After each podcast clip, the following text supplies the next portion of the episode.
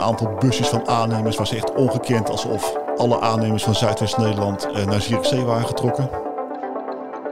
Dat we ook berichten hebben gehad over de mogelijke komst van een thoriumcentrale naar uh, Zeeland. Mhm. En dat die er ook over, een, uh, nou, misschien over 15 jaar zou kunnen staan. Vanaf de redactie in Vlissingen is dit de PZC deze week. Mijn naam is Noortje de Kroon. Rolf en ik blikken terug op een jaar vol nieuws waarin we podcasts maakten over de meest uiteenlopende Zeeuwse onderwerpen. Wat is ons het meest bijgebleven? Ja, er was 18 jaar cel geëist tegen Sandra H. voor de moord en het eh, wegmaken van het lichaam van Michelle van Velde. En het is uiteindelijk 18 jaar geworden. De rechter heeft 18 jaar cel opgelegd. Feitelijk zou ze twee keer zou ze haar keel hebben dichtgeknepen. En daarvan, zegt de, rechtbank, dan heeft ze dus kunnen nadenken over de gevolgen, zeg maar. En dan kun je niet meer spreken van een gemoedsopwelling. En dan is ze op basis daarvan overleden. En daarom vindt de rechtbank dan dat de moord met voorbedachte raden is bewezen.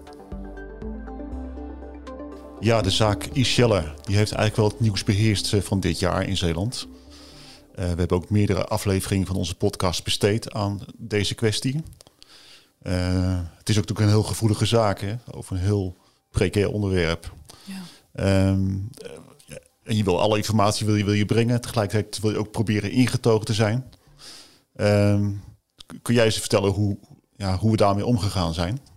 Ik vond het wel heel belangrijk daaraan dat we dus dat we dat goed zouden doen. Het is natuurlijk altijd belangrijk dat je je werk zorgvuldig doet. Maar in dit geval heb ik wel steeds het gevoel gehad, hoe zou de familie hier naar luisteren? Dat je echt weg wil blijven van sensatie. Mm ja, en de zaak is natuurlijk zo gruwelijk ja, dat, het, dat het heel veel uitmaakt, de manier waarop je daarover praat. Dat hebben we geprobeerd zo voorzichtig mogelijk en tegelijkertijd zo volledig mogelijk te willen zijn. Maar zeker tijdens de behandeling van de rechtszaak kwamen er juist heel veel gruwelijke details naar voren toe. Ja, ja en daar hebben we ook expres wel voor gekozen om dan niet alles te laten horen. Maar eh, zoals ik zei, we hebben geprobeerd om er echt zo om, om weg te blijven bij sensatie in ieder geval. De, de verdachte is natuurlijk nu veroordeeld. En daarmee lijkt het boek gesloten. Maar ja, er komt nog een hoger beroep. Dus ook volgend jaar zal deze zaak het nieuws eh, blijven beheersen. Ja, we dachten eigenlijk dat het dat uh, met de veroordeling van Sandra H. dat we, dat we, dat we dit konden afsluiten. Nee. Maar dat is dus niet zo. Nee, het gaat nog door, helaas.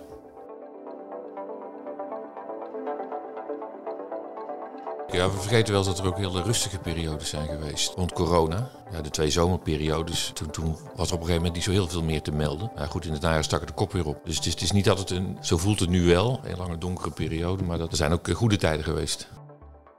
In het begin van de coronacrisis was iedereen overheerst echt de angst voor die ziekte en dat familieleden in het ziekenhuis zouden belanden of uh, zouden overlijden. Ja, nu, nu is, is, men veel meer geconcentreerd op de gevolgen van, van de maatregelen die er zijn. Ja, corona. Uh, je zou bijna vergeten dat het dit jaar ook nog gewoon speelde. Inmiddels is ja, voor mijn gevoel alles weer zo gewoon geworden dat die hele coronaperiode. Ja, ik heb de indruk dat het al heel ver achter ons ligt. En ik kan me bijna ook niet meer voorstellen dat we twee jaar lang met allerlei beperkingen, uh, met maatregelen, discussies over wat wel moest en wat niet moest uh, te maken hebben gehad. Ja, het is bijna ja, bijna niet meer realistisch of zo. Alsof het een soort boze droom geweest is de hele periode. Want ja, het is wel een bijzondere tijd geweest. En je kan je niet, niet meer voorstellen dat je kerstmis moest, moest vieren met niet. Of maximaal met vier personen of uh, op afstand. En dit jaar kon het allemaal weer gewoon.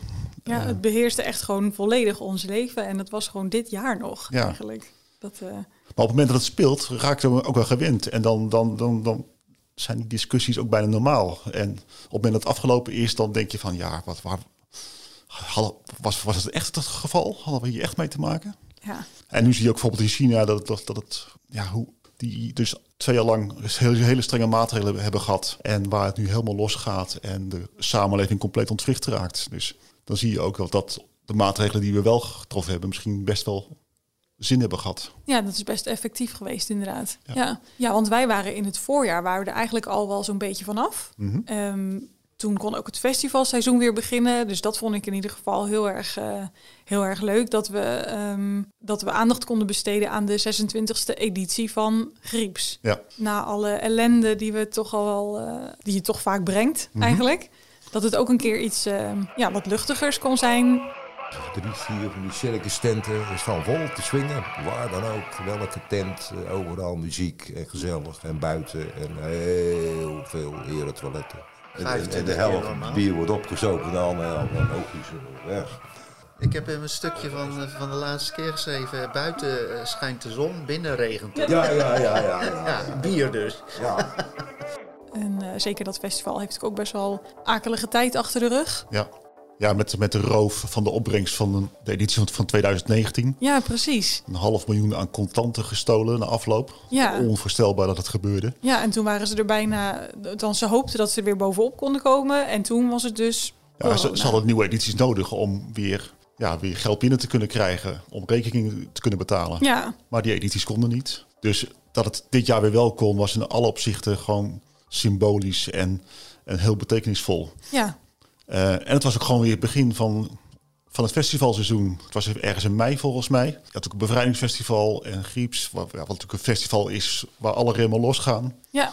En het was ook het start zijn, naar mijn idee, van een zeer uitbundig festivalseizoen in Zeeland. Met, met alle grote evenementen die gewoon weer plaats hebben ge- gevonden. Ja, ik had ook echt het idee van ja, nu de eh Zeeuwen kunnen weer en willen ook echt weer. En de, dat er een heleboel leuke dingen zijn gebeurd eigenlijk. Ja, en naar mijn idee ook wel meer dan voor coronatijd. Alsof het allemaal net iets vrolijker en groter en uitbundiger was dan voorheen.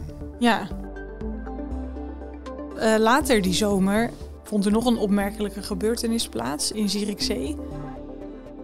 Ja, je kan op eh, verschillende filmpjes die er gemaakt zijn, kan je echt wel zien dat eh, de tornado, windhoos, eh, wervelwind, hoe je het ook mag noemen, hier binnengekomen is. Je zag, eh, volgens mij was het de ZZ, een van de mosselschepen, die heeft een heel mooi filmpje gemaakt ook. Die waren aan boord en dan zag je hem ook echt via het havenkanaal zag je hem aankomen. Hadden een heuse tornado. Ja. Hoe kijk je daarop terug? Nou ja, bij Grieps ging het dak eraf en eh, in positieve zin. En hier ging het dak eraf in, in, in trieste zin. In letterlijke zin. In letterlijke zin zelfs. Ja. als je nu op terugkijkt, dan, dan kan je bijna niet meer voorstellen dat het echt gebeurd is. Eh, een, een heuse to- tornado in Zierikzee. Het gebeurde eind juli, als ik mij goed herinner. Ook wel redelijk onverwacht. Het was, het was wel aangekondigd dat het slecht weer was, maar dat een tornado precies over de stad zou trekken, dat was niet aangekondigd. En ja, ineens gebeurt het gewoon. Eh, ik ben de dag daarna ook met verslaggever Marcel Modder door de stad getrokken. Wat heb je toen gezien? Ja, je ziet ook een, een spoor van vernieling, echt letterlijk. Dus we zijn begonnen bij de haven en ja, je hoeft niet te vragen van welke kant op moeten. Want je ziet gewoon precies hoe die tornado door de stad getrokken is. En overal zag je dakpannen eh, eraf en eh, schades. Dat maakt sowieso al veel indruk. En Marcel vertelde ook van hoe hij het beleefd heeft. Want hij was heel snel ter plekke. Dus hij zag ook de eerste reacties en de eerste beelden. Maar wat ook op mij indruk maakt is dat zo snel na die gebeurtenissen zoveel mensen bezig waren om de boel te weer te herstellen. Ik heb echt honderden mensen gezien die gewoon op daken zaten om dakpannen recht te leggen, om op schades te herstellen, om ervoor te zorgen dat regen niet voor nog meer schade zou zorgen. Het aantal busjes van aannemers was echt ongekend, alsof alle aannemers van Zuidwest-Nederland eh, naar Zierikzee waren getrokken. Ja, dat is echt, wordt echt keihard gewerkt door, door alles en iedereen. En, eh, ik zeg, het is volle mobilisatie eh, wat eh, de, de aannemersploegen betreft. Echt eh wonderenswaardig. alle bewoners die waren bezig met, met ja, soms heel simpel, met, met een bezem de boel aan te vegen tot, tot met, met ladders tegen panden op om, om te kijken eh, of alles nog in orde was. Ja, jij hebt veel saamhorigheid gezien. Ja, het was echt saamhorigheid. Die zijn zelfs al aan het metselen. Dat snel.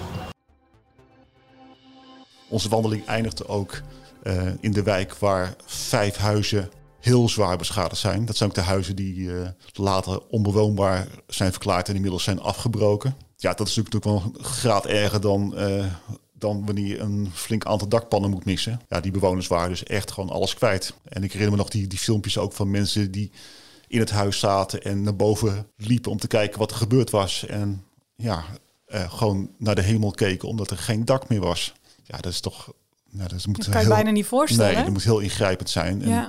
Het dak lag, lag gewoon op straat. ja, het is niet alleen bij materiële schade gebleven, toch? Nee, helaas niet. Toen was ik een mevrouw die Zierikzee bezocht. als toerist, denk ik. Die werd geraakt door brokstukken en uh, heeft het helaas niet overleefd. Dus uh, ja, dat maakt de gebeurtenissen wel triest. Ja, en één onderwerp kunnen we dit jaar ook niet omheen. Hè? Want de discussie over kernenergie die is enorm opgeleid. Mm -hmm. Ja. Het, uh, het, kabinet heeft uh, gezegd van uh, we willen twee kerncentrales erbij bouwen. Dat hadden ze al in het regeerakkoord opgenomen. En nu hebben ze vorige week gezegd van onze voorkeurslocatie is Borselen. We gingen door Borselen in en dan ga je vragen... vinden jullie het erg als er een kerncentrale bij komt? En dan is een soort van algemene houding is van nou, uh, we leven al tientallen jaren met een uh, uh, kerncentrale. We zijn er niet bang voor. Alleen je ziet nu toch wel een aantal andere tegengeluiden opkomen. Namelijk de impact op de omgeving. En het ziet er uit dat wij er twee kerncentrales bij krijgen. Ja. althans, het kabinet heeft bekendgemaakt dat Borstelen de voorkeurslocatie is. Ja. Uh, dus er wordt nog een slagje om de armen gehouden. Uh, dat hangt vooral af van wil Zeeland het echt wel en kunnen er voldoende, voldoende maatregelen worden genomen om eventuele hinder of, of andere vormen van, van overlast te beperken of te compenseren. Zoals hoogspanningsmasten die, die er misschien bij moeten komen. Hoe, hoe kijk jij naar die hele discussie over de komst van nieuwe kerncentrales?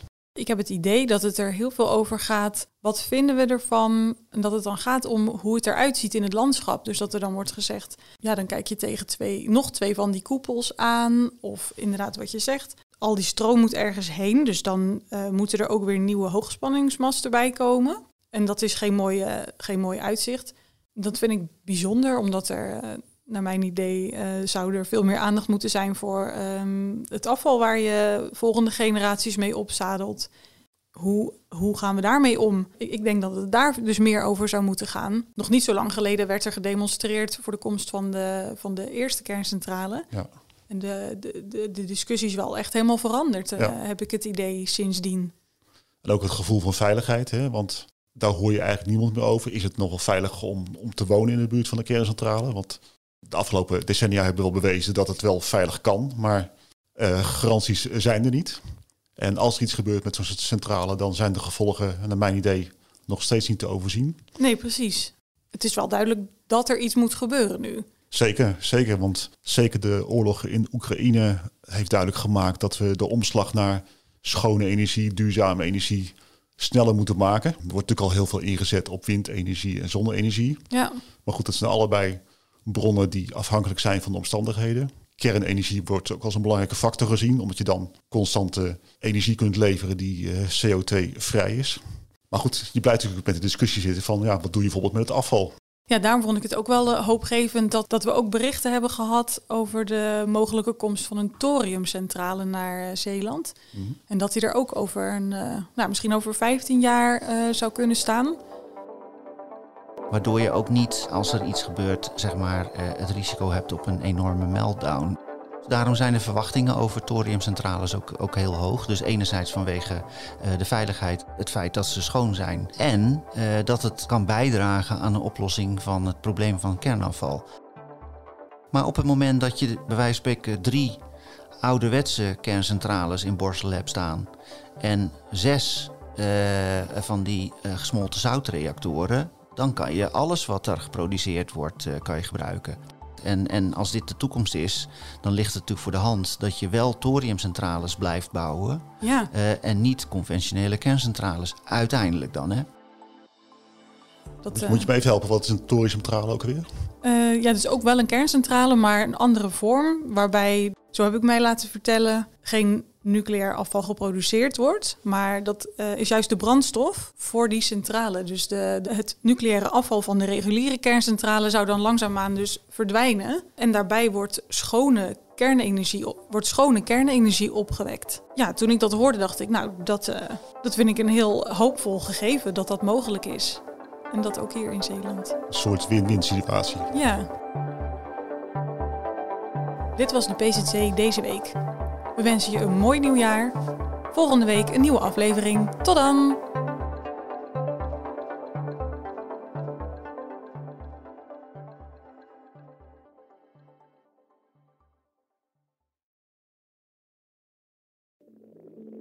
Ik denk dat je een soort van tweespalt had tussen de mensen die ons cool vonden en de mensen die het cool vonden om ons te haten. Maar ik kan me nog levendig de eerste vier tellen herinneren. Dat ik heel goed besefte zo van met deze tikken bepaal ik volgens mij wel een toekomst. Kijk, als we dingen heel anders hadden gedaan, dan was dit niet gebeurd. Als we ooit klaar zijn en ik moet uh, de, de, de vijf hoogtepunten van onze carrière noemen, is dit er één van.